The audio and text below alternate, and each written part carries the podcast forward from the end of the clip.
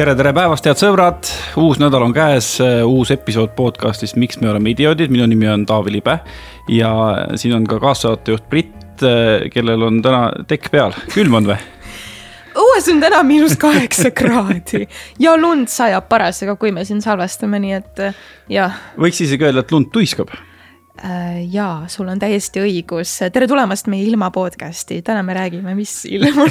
Õues no aga vaata, et eh, eks sellega ole niimoodi, et, et selleks, et eh, selleks, et kuidagi õige suund leida, siis eh, tuleb enda sees leida see õige õige tuulekene üles, et kuhu poole täpselt minema hakata. ma ei teadnud selle lause alguses, kuhu ma lõpuks välja jõuan päris halb mõte oli see, aga, aga. ei, see oli väga sügav, see oli väga sügav, vaata elu, meri ja, ja., ja tuuled seal merel, mis laineid edasi-tagasi nüüd ei teadnud mina, kuhu ma lähen, nii et jätka. okei okay., aga täna me hakkame rääkima äh, varjudest ja varjukülgedest, mis on meie kõigi sees ja kuidas nendega nagu silmitsi seista. Kuidas nendega koos elada ja kuidas nendega, nendest võib-olla ka vabaneda. Äh, ja meil on külla tulnud äh, Maria Paidar, tere, tere päevast. tere teile. kuule, mis sinu kohta nagu võib öelda, kas võib kohe päris nõid ka öelda või see sulle ei meeldi? No päris nõid ma ei ütleks kuigi jah, kõik see minu teekond alguse sai avatud võimetest küll, aga täna ma tutvustaksin ennast pigem terapeudi või koolitajana. Äh, minu enesetutvustus läheb sageli väga-väga pikaks, seega ma ütleksin hästi lühidalt ja löövalt, et ma olen nagu naiskehastuses Eesti Elon Musk või siis Eesti Tony Robbins, sellepärast et ma murran vanu mittetoimivaid süsteeme ja kasutan hästi toimivaid praktilisi psühholoogilisi meetodeid, et inimesi aidata ja et nad oskaks iseennast aidata. et ma vaatasin, teie ka siin võtsite kohe hästi nihukese ametliku olemise, et nagu terapeut, et peab sihukest mingit teistsugust nagu hoiakut võtma, aga tegelikult ei pea. et me võimegi rääkida täiesti otse, ehedalt, inimlikult, sest see on see, mis ma igapäevaselt teen ja mis inimesi päriselt aitab.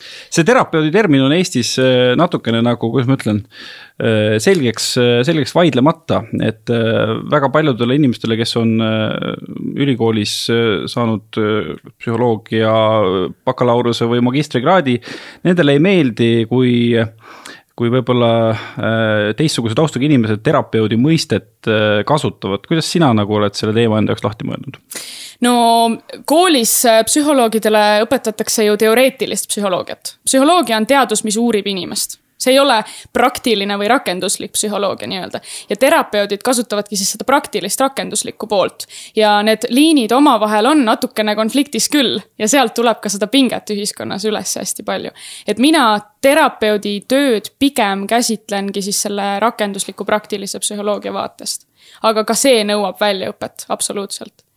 kuskohast sina oled oma teadmisi omandanud?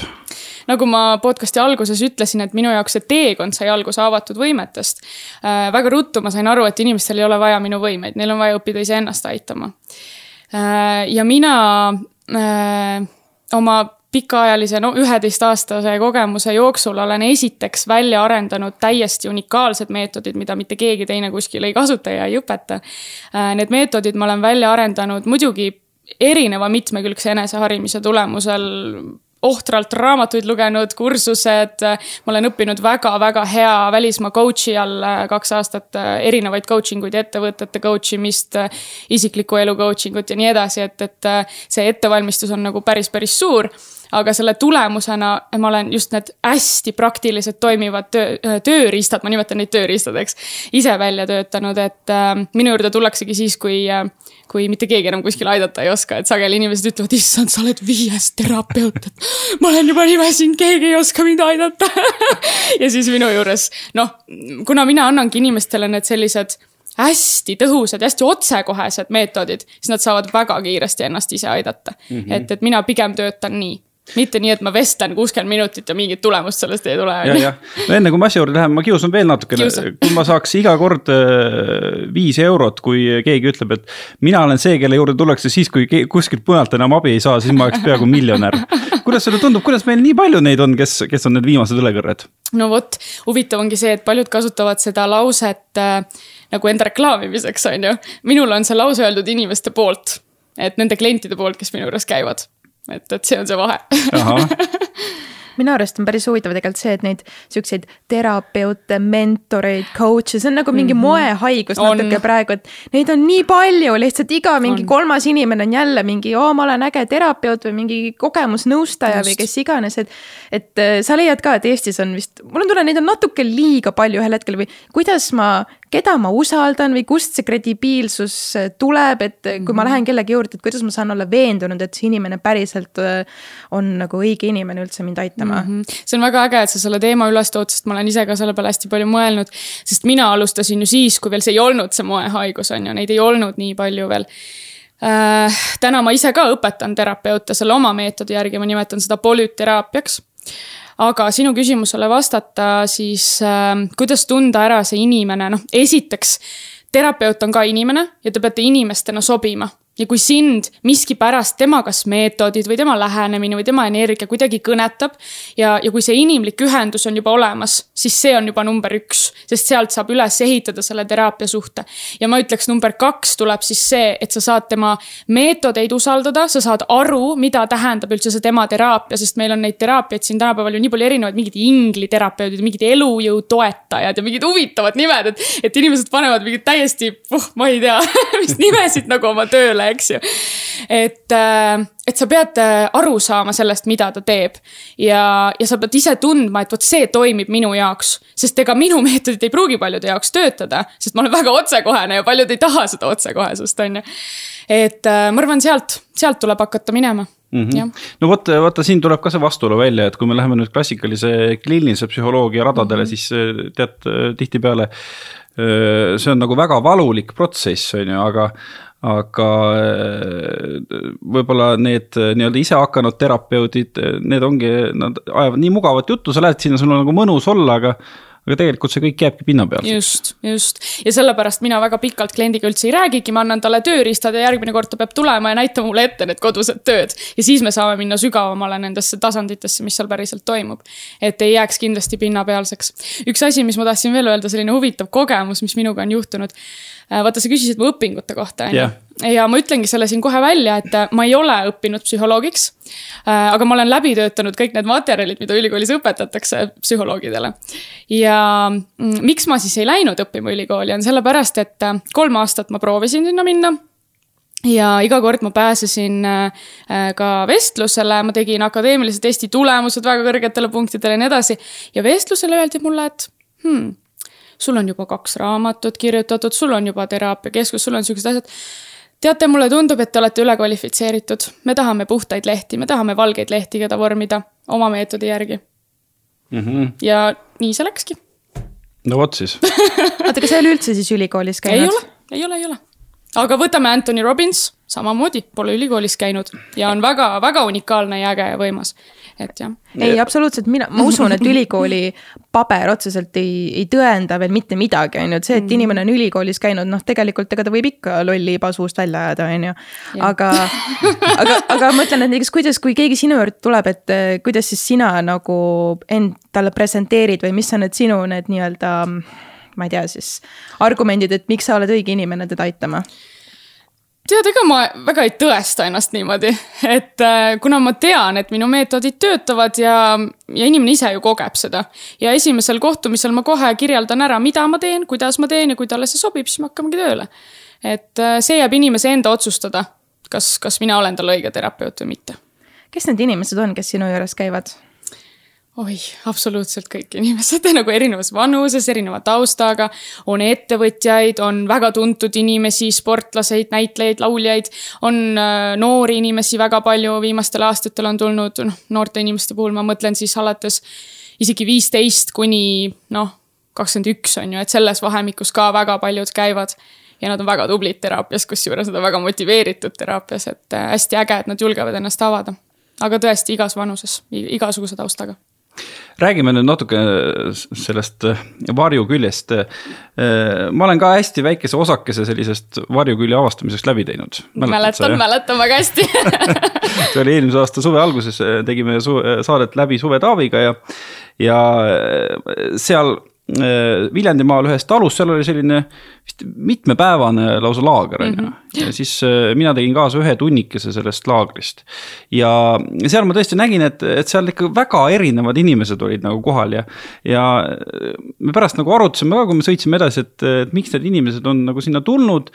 ja, ja kuidagi jõudsime järeldusele, et vaata, Eestis on nii palju üksikuid inimesi, et kui sa saadki nagu kokku, sa saad suhelda teiste inimestega sa saad nagu lõbutseda ka ilmselt õhtul ilma alkoholita, sa kõik saad nagu juttu ajada, et, et see juba on nii teraapiline, et midagi muud sinna väga palju juurde võib-olla ei lähegi vaja. no ikka on vaja juurde muud ka on on ikka. või siis võiks juba suvalisele külakeikale minna ju lihtsalt, siis ei ole vaja ju mingisse laagrisse Just. minna üldse. pigem on see, et need inimesed tunnevad ennast üksi selles enesearengu valdkonnas Mm -hmm. et neil ei ole seda kellegagi või oma sisemaailma kellegagi arutada. et sest see ühiskond on nagu nii pinnapealseks muutunud, ongi ainult see meelelahutus ja ta-ta-ta, mingid siuksed asjad on ju. et see hing tegelikult täidetud ei saa.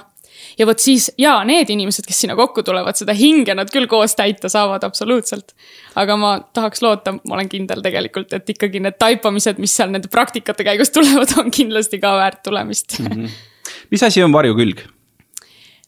Tead, Taavi enne ma tahaksin küsida sult Nonii. et sina käisid Varjukülje töötoas. jaa. milline taipamine sinul seal tuli Varjukülje kohta kui ma päris ausalt ütlen, siis ma absoluutselt ei mäleta ühtegi mõtet, mis mul seal peas käis. aga tunnet? tunnet äh,, äh, vot see oli nagu, see oli nagu selline Ameerika vägede värk, et, äh, et see oli sihuke küllaltki ebamugav oli tükk aega mm. -hmm. ja, ja sihuke hirmutav aga äh, lõpuks oli nagu sihuke ükskõik, mitte, mitte halvas mm -hmm. mõttes ükskõik mm, -hmm. vaid just sihuke nagu. ümbritsevast ükskõik. jah, jah, jah, zen või midagi taolist mm, -hmm. mitte päris zen, aga sihuke okay. selline tunne oli aga äge. ma ei mäleta absoluutselt, ma ei mäleta eriti seda, mida sina rääkisid. ma ei mäleta seda, mida ma hiljem sinuga rääkisin või teiste inimestega, kuidagi see on nagu peast pühitud. nojah, sest see oli sinu jaoks töökäik on ju, sa lased selle nagu peast minna. isegi mitte seda, aga see kuidagi kõiki neid emotsioone ja asju oli seal nii palju, et mm -hmm. ühel hetkel sa ei suutnudki seda kõike vastu võtta mm. -hmm. pigem just noh, tunded meelde jäänud. väga äge, sest sa just kirjeldasidki ära varjukülje olemuse. selles mõttes, et see on ebamugav, see on hirmutav ja hästi palju tundeid hästi palju alla surutud asju, mis kui korraga üles tulevad, siis seda ongi hästi-hästi palju. aga varjukülg on äh, selline osa inimese psüühikast, mis on äh, alla surutud, ignoreeritud, äh, me ei taha seda tunnistada, me ei taha sellele otsa vaadata, see on kogu see ebameeldiv, õudne osa meie iseloomust või meie olemusest ja meie kogemustest ja minevikust et ja ühiskonnas kõik see jama, mis toimub, noh sõjad ja näljad ja äh, nii edasi, nii edasi, on ju. et see kõik on tegelikult kollektiivse varju tulemus, et me ei ole ühiskonnana oma varju ära valgustanud, me ei ole sellele varjule otsa vaadanud ja seda lahendanud, sest et ühiskond pigem õpetabki oma varju alla suruma. et jumala eest, sa pead olema vaoshoitud, sa pead olema, ma ei tea äh, tubli kodanik ja nii edasi et ära näita oma seda tumedat varju välja ja ja, ja siis me ei õpi ka sellega tööd tegema. tegelikult varjuküljes peitub väga-väga tohutu potentsiaal ja ilma varjuküljeta me, kui me seda ei teadvusta ja pidevalt alla surume, siis me jätame väga suure osa väest nagu mm, tähelepanuta või me ei saa kunagi sellest väest osa oma elus. et äh, see on väga oluline teema, millega igaüks peaks tegelema ma saan aru, Taavi, sina käisid ühes töötoas. jah, ühes töötoas lihtsalt jah. aga see on mingi terviklik suur pikk laager, nagu ma aru saan. seal oli vist teisi teemasid ka jah? ja selle retriidi nimi oli tegelikult kohtumine saatusega, kus me tegelesimegi erinevate eluvaldkondadega, kuidas oma elu ja sisemaailma korrastada. enese sihuke ter tervendamine räägiksid veidi sellest lähemalt, sest äh, vaat mina ei ole mitte üheski sihukeses asjas mitte kunagi käinud. absoluutselt, mul puudub igasugune teadmine, mida sellistes kohtades tehakse. et äh, kui nüüd keegi kuuleb ja mõtleb, et issand, Kari Hulle on kuskil koos, on ju, teeb, ma ei tea, mis äh, rituaale, et valgusta siis meid palun, et mis asi see on mm? -hmm. see teraapia ja enesega töö sageli aetaksegi sassi mingisuguse vaimsuse ja spirituaalsusega, see ei ole üldse midagi sellist, sa ei pea uskuma ingleid, sa ei pea uskuma, ma ei tea, mida iganes, on ju. et tegelikult enesejuhtimisega tegelevad kõik maailma tippjuhid kõik maailma, ma ei tea, mis tipud, on ju. et äh, enesejuhtimine pole võõras edukatele inimestele ja mina nimetaksingi seda enesejuhtimiseks või eneseteraapiaks, enese sisemaailma korrastamiseks. mida me siis seal laagrites teeme, me tegeleme näiteks mingite lapsepõlvehaavade tervendamisega, mingite mm, noh, suhete tervendamisega, oma kasvõi finantsteemadega, meil oli selles laagris ka näiteks, kuidas luua oma ellu unistuste finantsid, on ju, noh, mingid sellised hästi praktilised nipid ja nii edasi. Et ähm, jah, hästi praktiline. sellised asjad. ja mis seal siis tehakse täpsemalt? on loenguid, on praktikaid, on harjutusi, on äh, vabastavaid igasuguseid hingamisi, tantsimisi, noh väga mitmekülgne, seda on keeruline niimoodi siin kohe anda edasi läbi sõnade, sest see on praktiline mm. -hmm. no ma mäletan selle varjukülje töötoa puhul ka, et alguses Maria nagu rääkis ja siis äh, me rääkisime nagu kõik koos või õigemini. erinevad inimesed nagu tõstatasid mingeid teemasid ja küsisid ja, ja siis hiljem oli selline kuidas ma ütlen, karjumise voor või? varjukülje praktika ja miks, me tegelikult enne seda meil oli väristamine, eks ju, siis ja. oli mitte karjumine, vaid väljaelamine ehk siis ja, ja. varjuga silmitsi seismine mm. -hmm. kus sa lubad oma varjul välja tulla kõigel, mida sa oled alla surunud, olgu see mingisugune üleolev naer, mingisugune alandatuse tunne, mingisugune vihatunne, mingid väljaütlemata asjad, on ju. et sa lubad endale oma varju kogeda, sest kui sa koged oma varju, siis sa saad seda varju juhtida muidu juhib varju, vari sind sihuke lihtne asi mm, -hmm. väga lihtne ja aga no kõrvalt vaadates see oli muidugi noh, kuna meil oli ka kaameramees ja produtsent, kes nagu selles protsessis sees ei olnud. siis no see oli nagu selles mõttes võimas kogemus neile, et tõesti nagu inimesed on nagu hulluks läinud natukene ja ei, ma mäletan seda videolugu, ma vaatasin ka suured silmad peas lihtsalt, et mis asi see veel on. aga vaat see annabki märku sellest, et me oleme oma varju nii palju alla surunud, kui sellise asja kõrvalt nägemine tundub nagu what, mis see on, on ju. Mhm. et äh, tegelikult täiesti okei okay on lubada endale selliseid tundeid.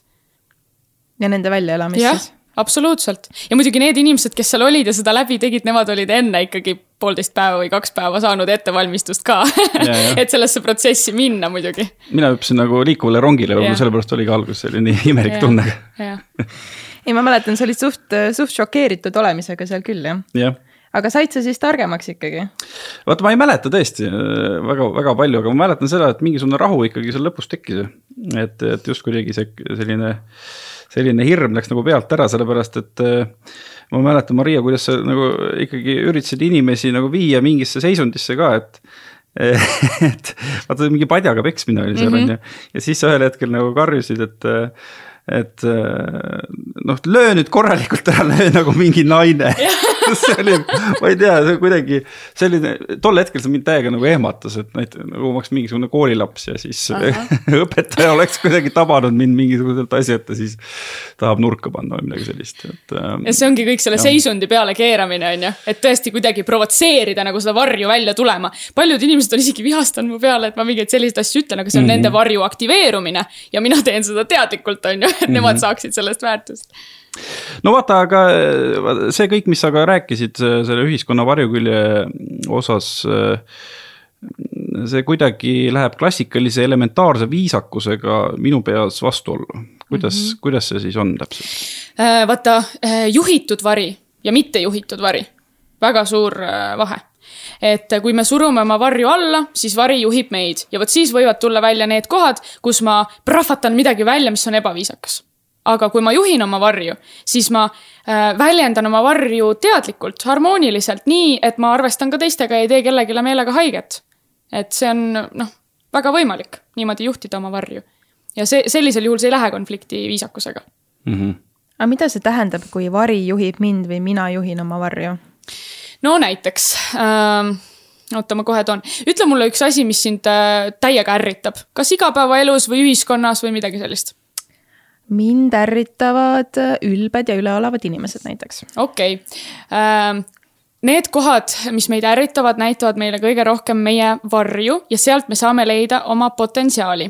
kui sind ärritavad ülbed ja üleolevad inimesed, kuidas nad sind tundma panevad selle käigus äh,? no nad äh, tekitavad minus siukse alandliku tunde või et mina olen kuidagi kehvem, kui nemad on -hmm,. okei äh, see, kuidas teised inimesed kohtlevad meid, peegeldab meile seda, kuidas ma kohtlen iseennast.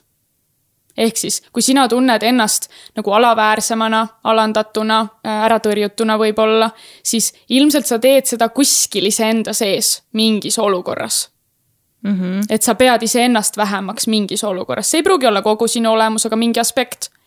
ilmselt sa mingis olukorras vähendad ennast või äh, äh, kritiseerid võib-olla ennast, noh, ongi alandad ennast enda ees. Ja nüüd see vari see, et see sind ärritab teiste puhul, see toob välja sinu sees selle tervendamist vajava koha, olgu see sinu sisemine laps või mingis muus haiget saanud, võib-olla sinu sisemine naine, kes on haiget saanud suhetes. seal võib erinevaid variante olla, ma ei tea su lugu praegu, ma lihtsalt pakun välja. Et äh, ja see näitab sinu seda haava ja, ja nüüd sa saad leida sealt potentsiaali, ehk siis sinu potentsiaal on endaga luua see tugev suhe, endal olla tõesti olemas et äh, ja, ja ennast, noh, eneseväärtustamine tegelikult mm -hmm. on see potentsiaal selles varjus. ja siis sind enam sellised inimesed ei ärrita, sest nad ei trigerda sinu valukohta mm.. ehk siis sa saad juhtida oma varju, sa teadvustad oma varju ära ja siis sa saad teda juhtida, siis sind enam ei ärrita see väline, sest sa lood selle lingi ära, et see on minuga seotud okei okay,, see on, see on üsna loogiline tegelikult, kuigi noh, muidugi ma mõtlen, et jällegi, kas on, leidub inimest, kes ei ole ennast umbes kritiseerinud või ei, niimoodi kuidagi. aga point ongi teadvustamises ja, ja selles, kas sa lased oma varjul ennast hävitada. sest kui sa ei teadvusta seda kohta ära, siis see vari võib olla väga hävituslik, et kui kogu aeg sa ärritudki siis nende inimeste peale, võib-olla sa hakkad ühel hetkel ennast täiega hävitama selle pärast või oma suhteid hävitama selle pärast ebateadlikult mm. -hmm. et teadvustamine ongi see võti mm. -hmm nii, kui äh, oletame, et Brit või keegi teine on nüüd selle asja ära teadvustanud, mis siis edasi saab? edasi tuleb praktika see tähendab seda, et, ähm, et ähm, muidugi meil kõigil on läbi elu neid varjukohti väga palju mm. -hmm. aga kui sa õpid oma varju teadvustama igal hetkel, kui see ülesse tuleb, see ongi nende, nende väljakutsete keskel. seda praktikat sa saadki teha nende raskuste keskel et, et selle väljakutse keskel siis teadvustad ära, ahaa, vot siin on minu vari, siit praegu tuleb midagi täiega ülesse. mis see minu jaoks peegeldab, mida see minu jaoks tähendab, kuidas ma saan sellest luua väärtust või potentsiaali oma jaoks et nende küsimuste kaudu nagu juhtida ennast siis, sest meie aju on üles ehitatud küsimustele ja, ja kui ma küsin endalt selliseid ressursirikkaid küsimusi, siis see äh, aktiveerib minus mingit väge, mingit potentsiaali, et see ongi see praktika, mida ma inimestele õpetan mm. -hmm nii, aga Taavi, mis on sinu varjukülg siis või küljed? väga hea küsimus jah, mis on. mis sind ärritab, vaata, võime sellesama küsimuse ka. ja teeme sellesama asja läbi pean mõtlema, mis mind ärritab. no meil on terve podcast tehtud sellest, nii et. ja, ja on küll, aga noh, laias laastus ikkagi äh, Brit väga hästi nagu tõi välja selle, et ega mind ka äh, ärritavad inimesed, kes arvavad, et nad teavad kõige paremini väga huvitav, ma praegu jälgin, te mõlemad istute käed ristis ebamugav natuke või kuidas? no muidugi on ebamugav. huvitav kuulata. minul on muidugi ebamugav hakata rääkima, mis mind ärritab, nüüd hakatakse varju lahti muukima ja õudne täiega õudne. aga ei, tõesti, võib-olla isegi jah, ülbe ja sellised inimesed jah, kes arvavad, et nad on äh, teistest targemad ja üritavad mm -hmm. iga, iga hetk seda võib-olla ka välja näidata ja välja öelda mm. -hmm. huvitav, mis paneb neid inimesi nii käituma, mis te arvate? no mingid kompleksid, ma arvan mm. -hmm. no nende enda mingi ebakindlus just, raudselt. just, alaväärsuse ülekompenseerimine. ehk siis tegelikult saavad kokku kaks äh, alaväärset inimest mingis mm -hmm. osas. kaks inimest, kelle sama haav aktiveerub. et ähm, ja hästi hea on tegelikult mõista seda teist poolt ju ka, et tekib see empaatia sinna taha aga vahel, kui inimene lihtsalt ongi oma olemuselt selline kõrk ja kuidagi peab ennast teistest paremaks. kui väike laps sünnib kas ta olemus on selline? kohe ei. algusest peale, no vot. ta õpib selle kuskilt, see on mingi kaitse. mitte mm -hmm. keegi pole oma olemuselt selline Äh, no aga äh, mõtleme siis natukene edasi, et mul, mul on kohe silme ees üks inimene, kes on selline lihtsalt. ja ma üpriski igapäevastes toimingutes pean temaga kokku ka puutuma, mitte iga päev, aga no ikkagi. Kuidagi sellised äh, töölõigud aeg-ajalt ristuvad. ja ta on kogu aeg selline, et ta jätab sellise mulje, et ta teab kõigest paremini, kuigi ta nagu tegelikult ei tea. nii, mina olen siis oma varjuga nagu tegelenud, eks mm. -hmm. ja üritan mitte nagu ärrituda selle peale, ma isegi praegu üritan mitte ärrituda selle peale järelikult sa ei ole oma varjuga tegelenud okei okay,, aga mis siis, mis siis tema, tema ei tegele endaga ja siis ta saabki laiata ringi nagu elu lõpuni niimoodi või? nõme veits ju. sina võid oma piirid ikka kehtestada ja väljendada. nii.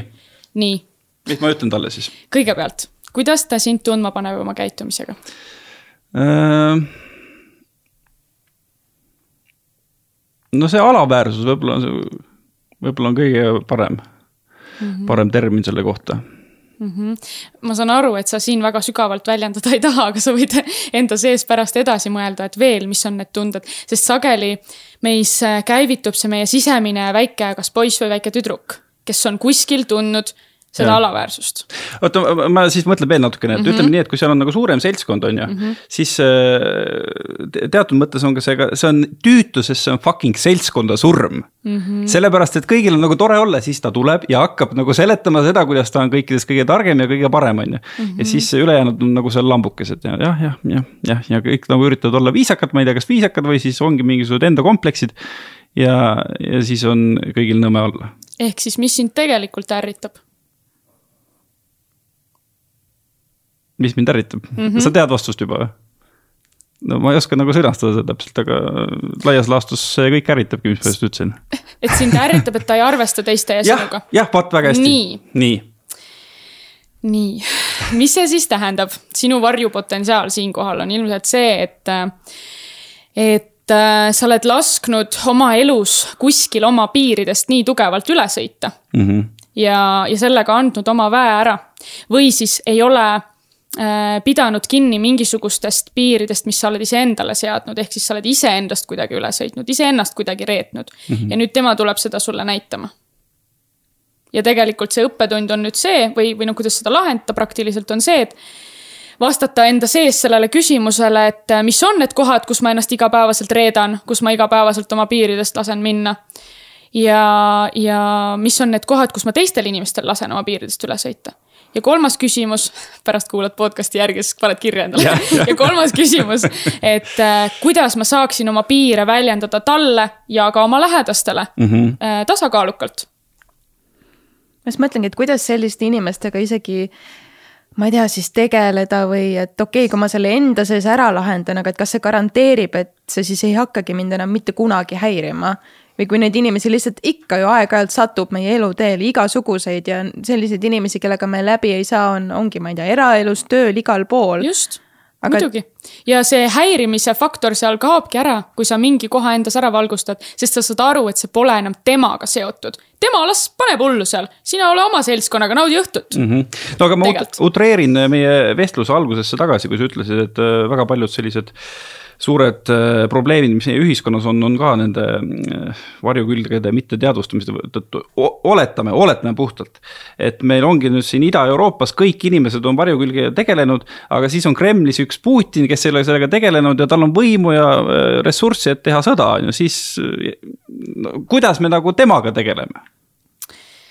jällegi, me ei saa tegeleda välisega, me saame ja. tegeleda oma reaktsiooniga ja sellega, kuidas me lahendame olukorda me saadame Maria sinna Kremlisse. hea meelega sinna punkrisse küll ehk siis ikkagi kokkuvõttes kõik on meis endas kinni, et ja. kui keegi meid häirib.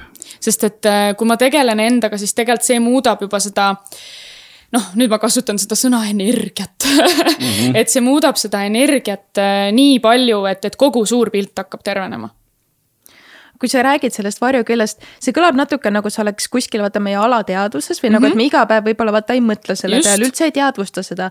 aga kui näiteks rääkida sellest, et ähm, kui mul on mingid iseloomujooned iseendas, mis ma tean, et ei ole kõige ilusamad, et kas neid tuleks muuta, kas neid saab muuta või see on nagu see, et noh, see ongi osa minust ja, ja mõistlikum on seda lihtsalt aktsepteerida mm. -hmm. Äh vaata niisama ei ole mõtet minna kaevama, kui mingi probleem sulle päriselt noh, probleemi ei valmista, on ju, mingi omadus, mingi negatiivne omadus. et ikka tegeleme sellega siis, kui, äh, kui miski häirib. Äh, ja mina ei näeks iseloomuomadusi või emotsioone otseselt halva või heana. et äh, need on, need on lihtsalt mingi jõud meie sees. ja me saame igasuguseid emotsioone kasutada nii heal eesmärgil kui ka halval eesmärgil. me saame enesekindlust kasutada väga hävitavalt, aga ka väga positiivselt. me saame viha kasutada väga-väga halvasti, aga me saame viha kasutada ka näiteks enda eest seismiseks või kellegi kaitsmiseks või enda kehtestamiseks. et iga asi meie sees on heaks ja halvaks. et me ei peaks võitlema oma nende mustritega, vaid pigem just nagu sa ütlesid, aktsepteerima, embama neid ja vaatama, kuidas ma saaksin kasutada seda päästeval moel. et see on see lahendus. Aga su enda varjupool mm,? mulle meeldib sellest rääkida. minu varjupool. teate, ma arvan, et siin on. ma pean kohe mõtlema, mida ma siit võiksin niimoodi välja tuua, mis on veel kuidagi minu elus vahel rolli mängiv. sest väga paljud asjad on lahustunud, aga midagi ikka jääb ähm,. ma arvan, et aeg-ajalt mind kummitab äh, koolikiusamise kogemus, kus ma tunnen äh, jälle teiste poolt seda tõrjutust või sellist vastikut nagu alandust, vaata, teil oli ka see alaväärsus käis nagu mm -hmm. läbi. et äh, aga see ei juhi mind enam. aga sageli ma ikkagi tunnen seda aga ma kohe teadvustan, et see teine inimene võib-olla üldse nii ei mõelnud, lihtsalt minus aktiveerus mingi asi. no kuidas üldse selle, kogu selle varjupoole ja kõikide, sest tegelikult kogu see jutt, mida sa räägid, on ju igati loogiline või nagu ma saan täiesti aru sellest mõtteviisist, aga täpselt ma kuulen esimest korda sellist äh, lähenemist. et kuidas sa selleni jõudsid või et äh, ma lihtsalt mõtlen, ma ei ole sihukest asja varem kuulnud mm. -hmm vot seda on natuke keeruline öelda, kuidas ma jõudsin, ilmselt sellepärast, et minu iseloom on selline, et mulle meeldib kõiges minna hästi sügavuti. mulle meeldib äh,, mulle meeldib valida alati raskem tee selleks, et saada see kogemus. meie psüühika on üles ehitatud valu ja naudingus äh, nii-öelda põhijõule. ja mina olen alati valinud selle valu, sest mind käivitab see valukogemus ja läbi selle leida siis see väärtus või vägi. ja see varjukülje kontseptsioon kuidagi tuli see täitsa iseenesest minuni et uurides kõiki neid vaimseid noh, nii-öelda praktikaid ja, ja ja lugusid, on ju, et siis kuidagi sealt ma lõin selle varjukülje kontseptsiooni enda jaoks ise ja vot pärast ma hakkasin lugema selle kohta, et see shadow self nii-öelda või shadow work on, on täiesti olemas asi, millest räägitakse, aga väga-väga vähe ja ilmselt sellepärast, et enamus ei julge sellega tegeleda. ka vaimses maailmas on ju vari väga tugev ja, ja väga ebameeldiv, et äh, nende terapeutide selja taga ja nende tervendajate selja taga on ka väga suur vari. ja, ja terapeudina või, või tervendajana ma pean täiega oma varju teadvustama, sest muidu ma ma ei ole väga väärtust loov terapeut mm. -hmm no räägime natukene sellest nii-öelda varju äh, või selle kõige väestamisest ka, et mm, -hmm. et ütleme, kui ma nagu tegelen nende asjadega, see sõna oli hea, mis sa kasutasid ise, et asjad on nagu lahustunud. et äh, kuidas teha nii, et see siis lihtsalt ei lahustuks ära, vaid et see oleks ka mingisugune lisaenergia või väeallikas mm. -hmm. kuidas seda mõtestada? ma pean jälle võib-olla mingi näite tooma no me natuke tegelikult sellest rääkisime ka sinu näitel, et, äh, et äh, kui sa tunned seda alaväärsust, okei okay,, ma teadvustan, ma valgustan varju ära sellega, et ma näen seda kohta enda sees. ja, ja väe, väe, väe aspekt on siis see, et äh, ma kehtestan oma piirid et ma pööran tegelikult selle tunde, mul tekib mingi rahulolematus, mul tekib mingi puudujääk millestki ja ma pööran selle tunde nüüd võimaluseks muuta olukorda. ja sealt tekibki see vägi, et ma panen selle enda kasuks tööle, mitte mm -hmm. ei jää ohvriks. vaat see on, see on varjukülg, millest väga paljud inimesed tänapäeval kinni on see, et ma olen ohvri rollis. minuga juhtub, minuga tehakse, kõik teevad mulle liiga ta,, ta-ta-ta on ju. see on see ohvri roll ja see on, see on täiega meil ühiskonna mingi muster, noh no aga vaata, meie ühiskonnas on ju hästi-hästi suur see solvumise värk ka, et kui sa nagu enda arvates äh, tasakaalukalt äh, kehtestad need piirid ära, siis võib see ikkagi rikkuda mingeid sinu jaoks olulisi suhteid, ma toon näite, et mõned aastad tagasi äh, ma olin ka tööga seoses ühes seltskonnas, kus nagu oli üks tegelane, kes muidu oli nagu tore tegelane, aga talle meeldis nagu ilgelt rääkida inimesi taga ikka ilgelt meeldis rääkida inimesi taga. ja, ja siis meie kollektiivi hakkas tulema üks uus noor inimene tööturule ja siis see tegelane, kes oli tagarääkija, tema, tema siis hakkas rääkima, issand, kui nõme ta on selle koha pealt ja selle koha pealt ja selle koha pealt. ja seal olid nagu seltskonnas ka sellised tegelased, kes olid meie nagu ülemused tol hetkel, eks. Ja siis need ülemused nagu, nagu oh, oh issand jumal ja nii ja. ja siis ma pärast seda, seda olengut siis ütlesin, et kuule, see ei ole okei okay,, on ju, et sa, sa nagu ülemuste juuresolekul räägid kellestki halba ja noh, tekitad sellise esmamulje, enne kui nad ise on kohtunud, enne kui nad on ise saanud mingisuguse sellise kujutelma sellest inimesest luua. nii, minu meelest ma jumala viisakalt seda ütlesin yeah., aga kokkuvõttes ma rikkusin eluks ajaks suhted ära selle inimesega, ta ei ole mulle andeks andnud seda, ta solvus tohutult mm. -hmm. vaata lõppkokkuvõttes minu elukaaslane ütleb väga tihti sellise lause, et äh, lõppude lõpuks on mul suhe maailmaga mm. -hmm. ja see tähendab seda, et äh, see, kui sina oled oma sisemist tõde kuulanud, ennast väljendanud, oma piire väljendanud ja teinud seda südamest, ilma mingisuguse rünnakuta või, või äh, meelega haiget tegemiseta, on ju, siis äh, see, mis järeldused teeb see teine inimene, no see on tema vari. ja, ja sinule tulevad need võimalused kuskilt mujalt. et ma väga ei leinaks seda suhet ausalt öeldes. Mhm. okei okei okay,, no siis natukene ikka kahju, sest muidu oli nagu tore kamraad ja mm -hmm. sa aeg-ajalt viina võtta koos vot see on see, see nii-öelda üks pinnapealne aspekt, mida sul oli vaja ja, ja vot. kui see podcast läbi on, ma tahan kõiki neid nimesid teada lihtsalt, kellest sa siin räägid. ma saan aru, et sa neid praegu välja kõva häälega ei ütle, aga pärast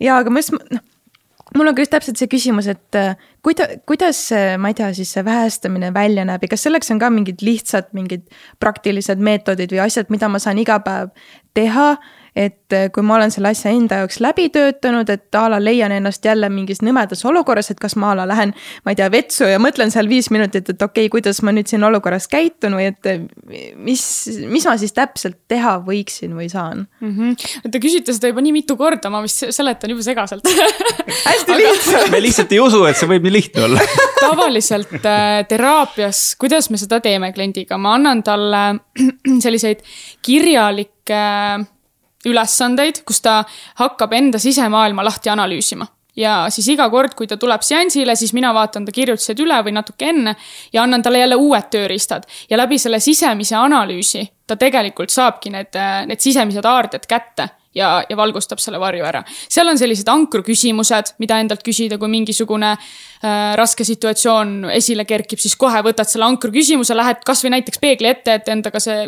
ühendus luua, vaadata silma endale, küsid selle küsimuse. ja, ja see viib su aju juba sellisesse, selli-, noh, annab ajule sellise suuna, et sa saad minna lahenduste suunas. et midagi hakkab muutuma. no mis variandid veel on, üks variant on see väljaelamine, et sa maandad ennast kuhugi ära, ma ei tea, poksitrenn mis iganes, et sa maandad oma varju kuhugi ära, aga sellele peaks järgnema ikkagi lahti mõtestamine, muidu pole mingit kasu. et kogemus üksi ei õpeta, vaid kogemuse lahti mõtestamine õpetab ja see ongi praktika mm. -hmm. Mm -hmm. siis kui me leppisime sinuga seda podcast'i kokku, siis äh, üks äh, üks selline nurk, mille sa ise välja pakkusid, selline kuulsuste varjuküljed, eks. et kui sa vaatad meie ühiskonnas ringi, siis kuidas sulle tundub, kas inimesed, kes nagu on kas siis oma maine või, või äh, rahalise ressursi või võimuressursi tõttu kõrgetel kohtadel. kas nad nagu suunavad meie ühiskonda kuskil suunas sellepärast, et neil on mingisugused varjud ja mille pärast ja millised varjud need siis on? väga huvitav küsimus äh, kas nad suunavad meie ühiskonda mingis suunas, sest neil on mingid varjud? mina ütleksin jah. sest me keegi pole varjudest puutumata Äh, muidugi on inimesi, kes äh, on oma varjust teadlikud, aga kahjuks mina tunnen nii, et rohkem on neid, kes lasevad ennast oma varjul juhtida, kindlasti. millised varjud neil siis on? sa mõtled praegu nüüd meie juhte või? no jah, jah, jah okei okay. ma mõtlesin, sa küsid kuulsuste meelelahutajate kohta, see oleks natuke lihtsam Aga... Need võtame järgmiseks. käime kõik niimoodi täi-, tähestiku järjekorras, võtame mingi iga tähega ühe kus kuulsuse ja... telefoniraamat on tänapäeval aga ilmselt on seal kohas äh, mingid sellised äh, varjud, kus neil on äh, noh, kas ära rahuldamata valitsemise ihad mm, või äh, hirm äh, kuidagi olla ise alaväärne ja, ja seda siis kompenseerida läbi võimu saamise. et, et see, see noh, võim võib ka olla väga suur osa varjust, aga võim ei pruugi olla vari, kui sa kasutad teda heal eesmärgil, eks ju. et nüüd ongi see küsimus, et, et milleks ma oma varju äh,, jah, võimu kasutan mm, -hmm. eks ju et aga neil, seal võib olla igasuguseid erinevaid asju isikuliselt, ma peaks hakkama seda siis vaatama, on ju, kui ma nende lugu teaksin. ja, ja no vaata, siin tekib ka see, see paradoks on ju, et ühest küljest nagu võimu iha või mm, -hmm. või iga hinna eest võimule pääsemine, see on nagu halb, aga teisest küljest no kui inimesel ei oleks nagu üldse soovi valitseda mm, -hmm. siis noh, ta ei saagi olla poliitik. just, et seal ongi see vahe, et mis sinu motiiv on, mis su ajend on, miks sa seda võimu tahad. kas lihtsalt sellepärast, et sa oled lapsepõlves isalt täiega peksa saanud ja alandatud olnud, on ju, ja nüüd tahad siis kompenseerida oma seda väikse poisi valu ja, ja selle eest nagu domineerida ja võimu saada ja, ja sa isegi ei teadvusta, et sa seda sellepärast tahad saada, sul on lihtsalt kinnisidee, ma pean saama, vot valitseda, on ju. Neid on väga palju selliseid inimesi, kellel nii on, kusjuures et kui sa küsid neilt, miks sa seda teed, mida sa teed, paljud ei oska vastata. väga paljud, äh, näiteks lauljad ei oska vastata, miks see on. et äh, mul on äh, koostöö ühe, ühe poksijaga näiteks ja, ja veel mõnede sportlastega ja neil kõigil on mingi lapsepõlvevalu, mis tõukab neid saavutama neid suuri tulemusi. Neil ei ole mingit seda, et oo, ma tahan inspireerida, ma tahan ta-ta-ta-ta, on ju, neil tuleb see, et aga löömine on ainuke asi, mida ma olen teadnud alati -hmm.. noh, et mingi isiklik link seal lapsepõlves alati on, mingi, mingi valu no aga vaata, valimised on ju varsti tulemas kahe kuu pärast, et kuidas siis äh, inimene peaks äh, aru saama, et kes, kes on siis äh, sellepärast soovimas võimule saada, et teha ühiskonnale midagi head ja kes siis on oma varjukülje pärast lihtsalt võimuiha teostamas. kõik ei saa ju sinu juurde ka tulla küsima, et mm -hmm. kuidas, kuidas ta ise valimiskasti juures peaks seda asja vaatama mm. -hmm. kõige parem küsimus on ikkagi iseendalt küsida. huvitav, miks ta seda teeb ja kui vaadata siis natukene seda tema ajalugu, millised on tema teod, millised on tema väljaütlemised ja, ja tema nii-öelda ka maailmavaated tegelikult, et siis saab selle vastuse päris ruttu kätte enda sees. huvitav, miks ta seda teeb, mis on tema ajend? muidugi pole kindel, kui paljud üldse suudavad adekvaatselt sellele küsimusele vastata mm, -hmm. sest kuidagi noh, mul on tunne, et poliitikas on päris tihti seda, et noh, osade valijateni on väga lihtne jõuda, sest neid on ka väga lihtne mõjutada ja populism töötab väga paljude inimeste peal mm. -hmm. et äh, siis kuidagi küll tekib natuke hirm on päriselt selle ees, et äh, kui suur mõjuvõim on mhm. päriselt mm -hmm. nendel poliitikutel, kes võib-olla ei ole kõige paremate kavatsustega mm. -hmm. just, no sellepärast ma siin podcast'is praegu olengi, ma loodan, et pärast tuleb mingi artikkel sellest, et palun küsige enne valimist et, et, et miks, mis on tema ajend, on ju.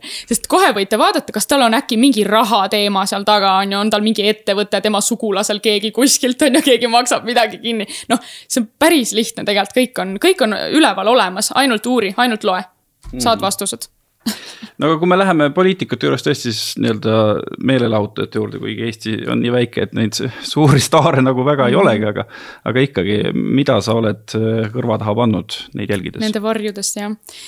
no väga paljudel on hirm olla hukka mõistetud ja, ja olla kritiseeritud, et osadel lausa nii, nii hullusti, et et nad, nad ei elagi tavalist elu, nad ei käi toidupoes, nad, nad noh, ongi ainult kas avalikud sündmused või istuvad kodus ja kõik muu on ära organiseeritud. et nii suured hirmud olla avalikkuse silme ees, kuigi tegelikult oled Eesti kõige kuulsam laulja, on ju. Et äh, päris päris nagu hulle asju, siis ähm, noh, mis veel, ähm, ikkagi, mis neid kõiki ühendab, on, on see, et, et suur soov olla mõistetud, olla armastatud, vastu võetud ja suur hirm olla hukka mõistetud, see on tegelikult meie kõigi selline baas, äh, baasvari, kui nii nimetada. Aga, aga neil kohe eriti. Ja, ja üks inimene tuleb mul veel kohe silme ette, kellel on selline, ta on mega ilus tüdruk mega ilus tüdruk ja ma ei räägi Brigittest et äh, ja temal on nagu, ta, ta tõsimeeli arvab, et ta on kole. kuigi ta on väga ilus tüdruk, nagu tõesti ja kõik ütlevad seda kõigile, tähendab talle et äh, ja tal on nagu selline vari, ta, ta tunnebki, et ta on nii kole ja ta on, on, ma ei tea, mis kõik asjad veel. et noh, selliseid asju on, on väga palju tal mm. -hmm et nad ja näitavad ühe, nad peavad mängima seda enesekindlat rolli, nad peavad olema säravad, nad peavad olema ideaalsed, nad peavad olema need nii-öelda mudelid kõigile. aga, ja väljast nad ongi ja nad on kõik tegelikult väga toredad inimesed, ma olen selles kindel. ja väga sügavad inimesed, isegi kui pealtnäha nad jätavad võib-olla vahel pinnapealse mulje. aga neil on ka oma lugu, neil on ka oma tunded. Ja, ja oma varjud no räägime sellest ühest äh, skeemist natuke pikemalt, mis sa välja tõid, et mul on endal ka ju tutvusringkonnas äh, naisterahvaid, kes äh, ei ole sugugi Eesti kõige kuulsamad, aga, aga on ka väga kaunid, aga nad lihtsalt mitte nagu selle edevuse pärast, vaid nad räägivad, issand, ma olen kole ja blablabla bla, ja no lihtsalt. no pea hakkab valutama seda kuulates, sest sa saad aru, et see ei ole ju niimoodi, et, et kuidas need inimesed peaksid nagu selle teemaga tegelema? enesevõrdlemine tuleb ära lõpetada. Sest see on nii suur lõks, mis meil ühiskonnas on et vaatad seda Instagrami ja need on, noh, te teate isegi töödeldud pildid, on ju. ja seal taga on hoopis mingid muud äh, draamad. et äh, aga see võrdlemine on hukatuslik ja see hävitab enesehinnangu täielikult ära et tegelikult, mida tuleks teha, on leida oma unikaalsus. mina olen mina, ma olen äge ja vot see kilo siin, see kilo siin, no pole hullu, ma olengi äge sellisena, nagu ma olen selles kestas. et kui sa leiad oma unikaalsuse ja paned fookuse iseendale, siis kaob see valu ära sealt tagant. eks kõik naised on selle koha läbi käinud võib-olla mõned mehed ka, ma ei tea ma tean, et meestel on ka enda võrdlemine, aga teistmoodi, mitte välimusega, vaid võib-olla hoopis finantsiga, edukusega, eks ju.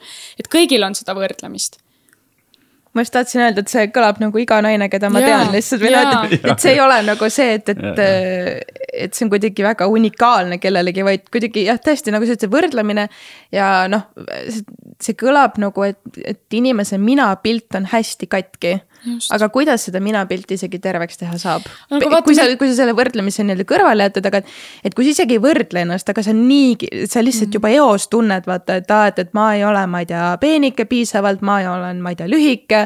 mul on, ma ei tea, õhukesed juuksed, noh, kõik siuksed asjad mm. -hmm. aga vaata, meil kõigil on ju haavad ja võiks ju siis arvata, et me kõik oleme katki. tegelikult ei ole, me oleme terviklikud sellisena, nagu me oleme, lihtsalt see haav on kogemus valust ja siis me ütleme, et aa, ma olen katki, tegelikult ei ole. ja nüüd mul läks üks oluline mõte meelest ära, mis ma tahtsin öelda, oota. Ehm, võrdlemine, jah. nii, läks mm. -hmm. aga kui veel kuulsusest rääkida, siis mul tuleb meelde kellegi mõte, ma ei mäleta, kelle mõte, et. et ühesõnaga kõikidel noh, kuulsatel inimestel on olnud nagu kaks faasi, et esimene faas on see, kus ilgelt tahetakse saada äh, sellisesse positsiooni, kus kõik sind teavad. ja siis seejärel on nagu murdepunkt ja seejärel mm -hmm. sa tahad, et keegi sinust välja ei teeks, kui sa ja. tõesti käidki poes või et. mis värk selle kuulsusega siis nagu on? Äh, jällegi ilmselt inimesed ei ole endale lahti mõtestanud, miks ma seda kuulsust tahan, mis mm -hmm. on minu ajend. et äh, jah, see tuleks endale hästi selgeks teha, et tegelikult igal sammul, ka seal toidupoes. ma olen rääkinud seda juttu neile kuulsustele, et kujuta ette, kui palju sa saad kedagi õnnelikuks teha, kui sa lihtsalt seal toidupoes naeratad ühe yeah. naeratuse, see on ju nii suur väärtus. et äh, isegi mulle on, on mõned inimesed tulnud ütlema, et äh, et neil on nii suur au, et praegu sa tulid siia minu mingi ruumi, mis iganes, on ju. et äh, kuigi ma ei ole mingi kuulus, on ju, aga kui keegi sind täiega fännab, siis sa saad tema elu teha nii ägedaks, kui sa tema elust korra nagu läbi käid. Äh, nüüd mul tuli meelde, mis ma tahtsin öelda et vaata, sa enne rääkisid seda, mm, et ma ei ole piisav, äh, piisavalt ilus, kehakaal, juuksed, ta-ta-ta. see tuum on seal, et ma ei ole piisav. ja siis see peegeldatakse nagu oma välimuse peale mm. -hmm. aga mingi muu, see ebapiisavuse haav, mis tuleb jälle lapsepõlvest. vot, see on see tuum mm. -hmm. sidusin kaks asja kokku ja vot selle kuulsusega on jah kuidagi hästi huvitav, et kui sa vaata enne rääkisid, et äh, a la, et, et noh, et ei ela tavapärast elu, et kõik mingid toidupoed ja asjad on ära korraldatud ja noh, ongi kas avalik üritus või kodu. siis ma muidugi mõtlen, et issand, aga nad on ju mõnes mõttes ikkagi selle elu ise endale valinud. või noh, et no kui ma, kui ma praegu lähtun näiteks, ma ei tea, lauljatest ja näitlejatest ja sellistest ei inimestest. ma tean konkreetselt ühte inimest, kes hakkas lihtsalt hobi korras tegema ja ei, polnud üldse plaan kuulsaks saada. aga no alati on ka võimalik ju siis ju teha ennast mittekuulsaks või, või ma mõtlen, kuidas see nagu töötab, et äh, kui sa saad kuulsaks siis. jah, et sa võid valida nagu äh, ära kaduda, on ju, kohe alguses, eks ju. jah, muidugi võid ju tegelikult. et keegi ei käsi ju sul olla kuulus selles suhtes keegi ei ütle, et nii, et äh, kui sa nüüd seda ei tee, et siis on noh halvasti, on ju. Mhm. ja siis, kui nad samal ajal tunnevad tohutuid, eks ju, hirme, et oh, et ma olen kuulus ja ma ei taha umbes kuskil käia, aga et siis ongi see, et aga noh, et sa ju ei pea tegelikult seda elu yeah. elama justkui. just, vot kohe alguses ei saa ju sellest aru, mida see elu kaasa toob. alguses on see, et see väike laps, kes meie kõigi sees on, tunneb nii suurt rõõmu, vau, mind märgati, ma olen tunnustatud, ma ei ole enam üksi, ta-ta-ta ja siis lähedki sellega nagu kaasa mm. -hmm. ja see on kõik nii alateadlik, see on kõik nii alateadlik. aga kui palju sinu hinnangul on meil Eestis selliseid äh, ma ei tea, siis tuntud inimesi või staare, kes tegelikult võib-olla ei tahakski üldse olla nii avaliku elu tegelased? oi, ma ei oska seda sellele vastata, sest ma ei ole nende kõigiga kokku puutunud vaata, kui sa tõid ka välja, et, et äh, Brit, et, et ära siis ole kuulus, no tegelikult ma veel kord toon välja, et äh, meil ju on see ühiskond on nii väike, aga viimastest aastatest mul tuleb nagu üks näide meelde, kus tõesti üks tegelane hakkaski tegema asja ja siis sai kuulsaks, Nublu on ju. nii kas sa, mäletad, milline möll oli sellega, et kes on Nublu ja mingisugused artiklid ja no ja tema minu arust ka oli just see, kes hakkas tegema jah, ta Niimoodi. hakkas ju SoundCloudis möllama ja alguses oli isegi pahane, kui Raadio kaks mingis õhtuses vööndis mängis tema lugusid, et milleks seda vaja on, ta lihtsalt mm. hobi korras teeb seda kõike ja.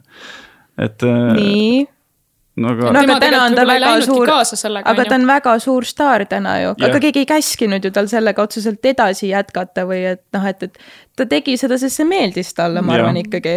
ja ma arvan, et talle ka, ma muidugi, ma ei tea Nublu selles, ma ei ole temaga isiklikult kokku puutunud mm, -hmm. ma lihtsalt spekuleerin, et kui sa ikkagi, ta tegi sellest enda sissetulekuallika mm, -hmm. ta tegi sellest oma ameti ei no võib-olla küsimus ongi selles, et, et talle ei meeldi võib-olla kõik see mm, -hmm. et kui ta, kui, kui ta võtab aastaiti preemia, siis mingisugune Elu24 reporter tuleb talle ilasaid küsimusi esitama kuskil. see on täiesti inimlik ju, kellele siis meeldiks, kui sind kuskil liftis ahistama tullakse? inimlik. ei nojah, aga ma lihtsalt on ju väga palju valdkondi, kus samasuguse kaliibriga tegelane ei peaks kuulsusega, kuulsus olema, ütleme, kui kellelegi meeldib teha südameoperatsioone, ta teeb väga hästi, siis ta ei pea silmitsi olema sellega, et ta on teinud võib-olla kümme tundi kestnud südameoperatsiooni ja pärast liftis ta peab Elukohe4 reporterile küsimusi esitama.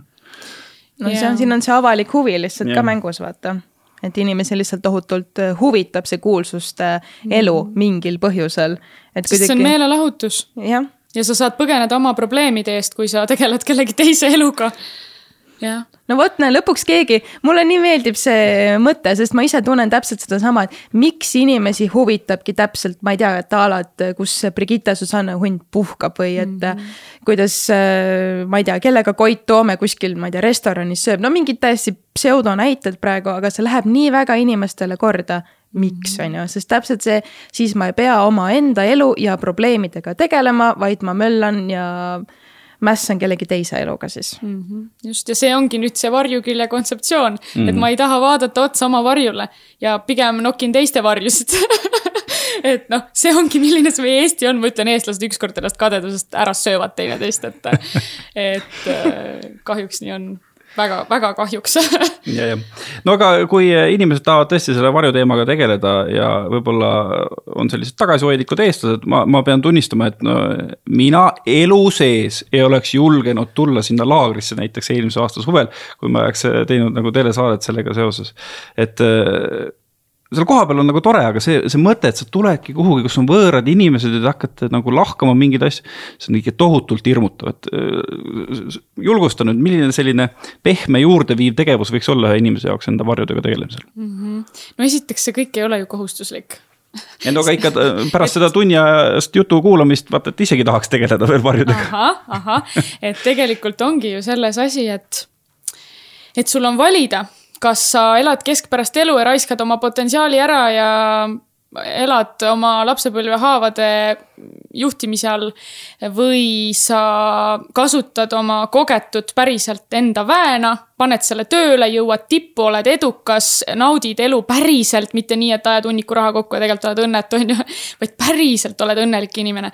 ja, ja see on igaühe enda valik ja ma ütlen seda ka veel, et äh, kõik inimesed saavad olla edukad ja kõigil inimestel on võimalus jõuda sellesse kohta.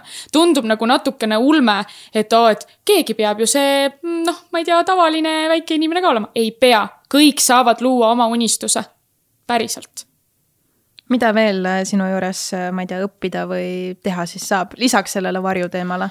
oh, igast asju me oma elukaaslasega tegeleme näiteks äh, suhetega, suhete valgustamisega natukene, mingite raskuste, väljakutsete valgustamisega.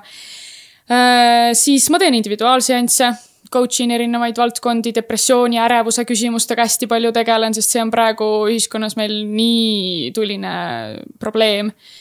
Äh, terapeute õpetan vaimseid äh, võimeid õpetan avama nii-öelda noh, tasakaalukal viisil, mitte et kõik saavad nõiaks, vaid, vaid intuitsiooni ja tunnetust arendama, et sellega oma elu juhtida paremini. ja peamiselt ongi sellised enesejuhtimise teemad, millega mm -hmm. ma siis tegelen no vaat, kui sina ka terapeuti õpetad, siis anna neile ka kohe soovituse, et nad ei paneks neid mingeid kuradi inglite värki endale nimedesse. raudpolt. sest jällegi mul on nagu visanud Facebookis ka ette mingeid asju, et tundub nagu tore tütarlaps ja sa hakkad seda postitust lugema, kõik on nagu tore ja siis nimi on mingi kuradi all ilma ingel, no mis kuradi ingel, ma ei lähe kuhugi ingli juurde noh. just, et tegelikult sisu ju nendel inimestel on, on ju, infot jagada on väga targad inimesed, aga siis see nimi on kuidagi sihuke eh mm -hmm. nagu mida? Aga mis värk sellega on, et nad tahavad üldse sellised inglid olla, see on ka mingi vari, vari või? Väga võimalik, kusjuures Taavi, vau, sa praegu täiega noppisid siukse varju ülesse, ma ei ole ise selle peale mõelnudki niimoodi, see on mingisugune kompenseerimine võib-olla jah. aga see võib olla ka tegelikult see, et nad on just alustanud oma teekonda, nad on seganud seda kõike spirituaalsusega ja siis nad tahaks selle kuidagi nagu väljendada seda. Mm. et lihtsalt võib-olla alles algus nende jaoks mm. -hmm mul tekkis sihuke küsimus, et noh, oletame, et ma olen täitsa mingi tavaline inimene, on ju, oma igapäevamurede ja rõõmude ja kõigega. et kus äh,, mõtlen, kuidas seda sõnastada, et kui sinu juurde tulevad inimesed siis erinevad, mis on see esi, mis on see nagu alg nende probleem või mure, millega nad tulevad või et kuidas inimene jõuab üldse sellise nii-öelda arusaamani, et aa ah,, et, et ma peaksin minema teraapiasse või kust kust ta nagu alustab mm? -hmm. see algab tavaliselt mingist rahulolematusest, mida nad ei suuda ise lahendada.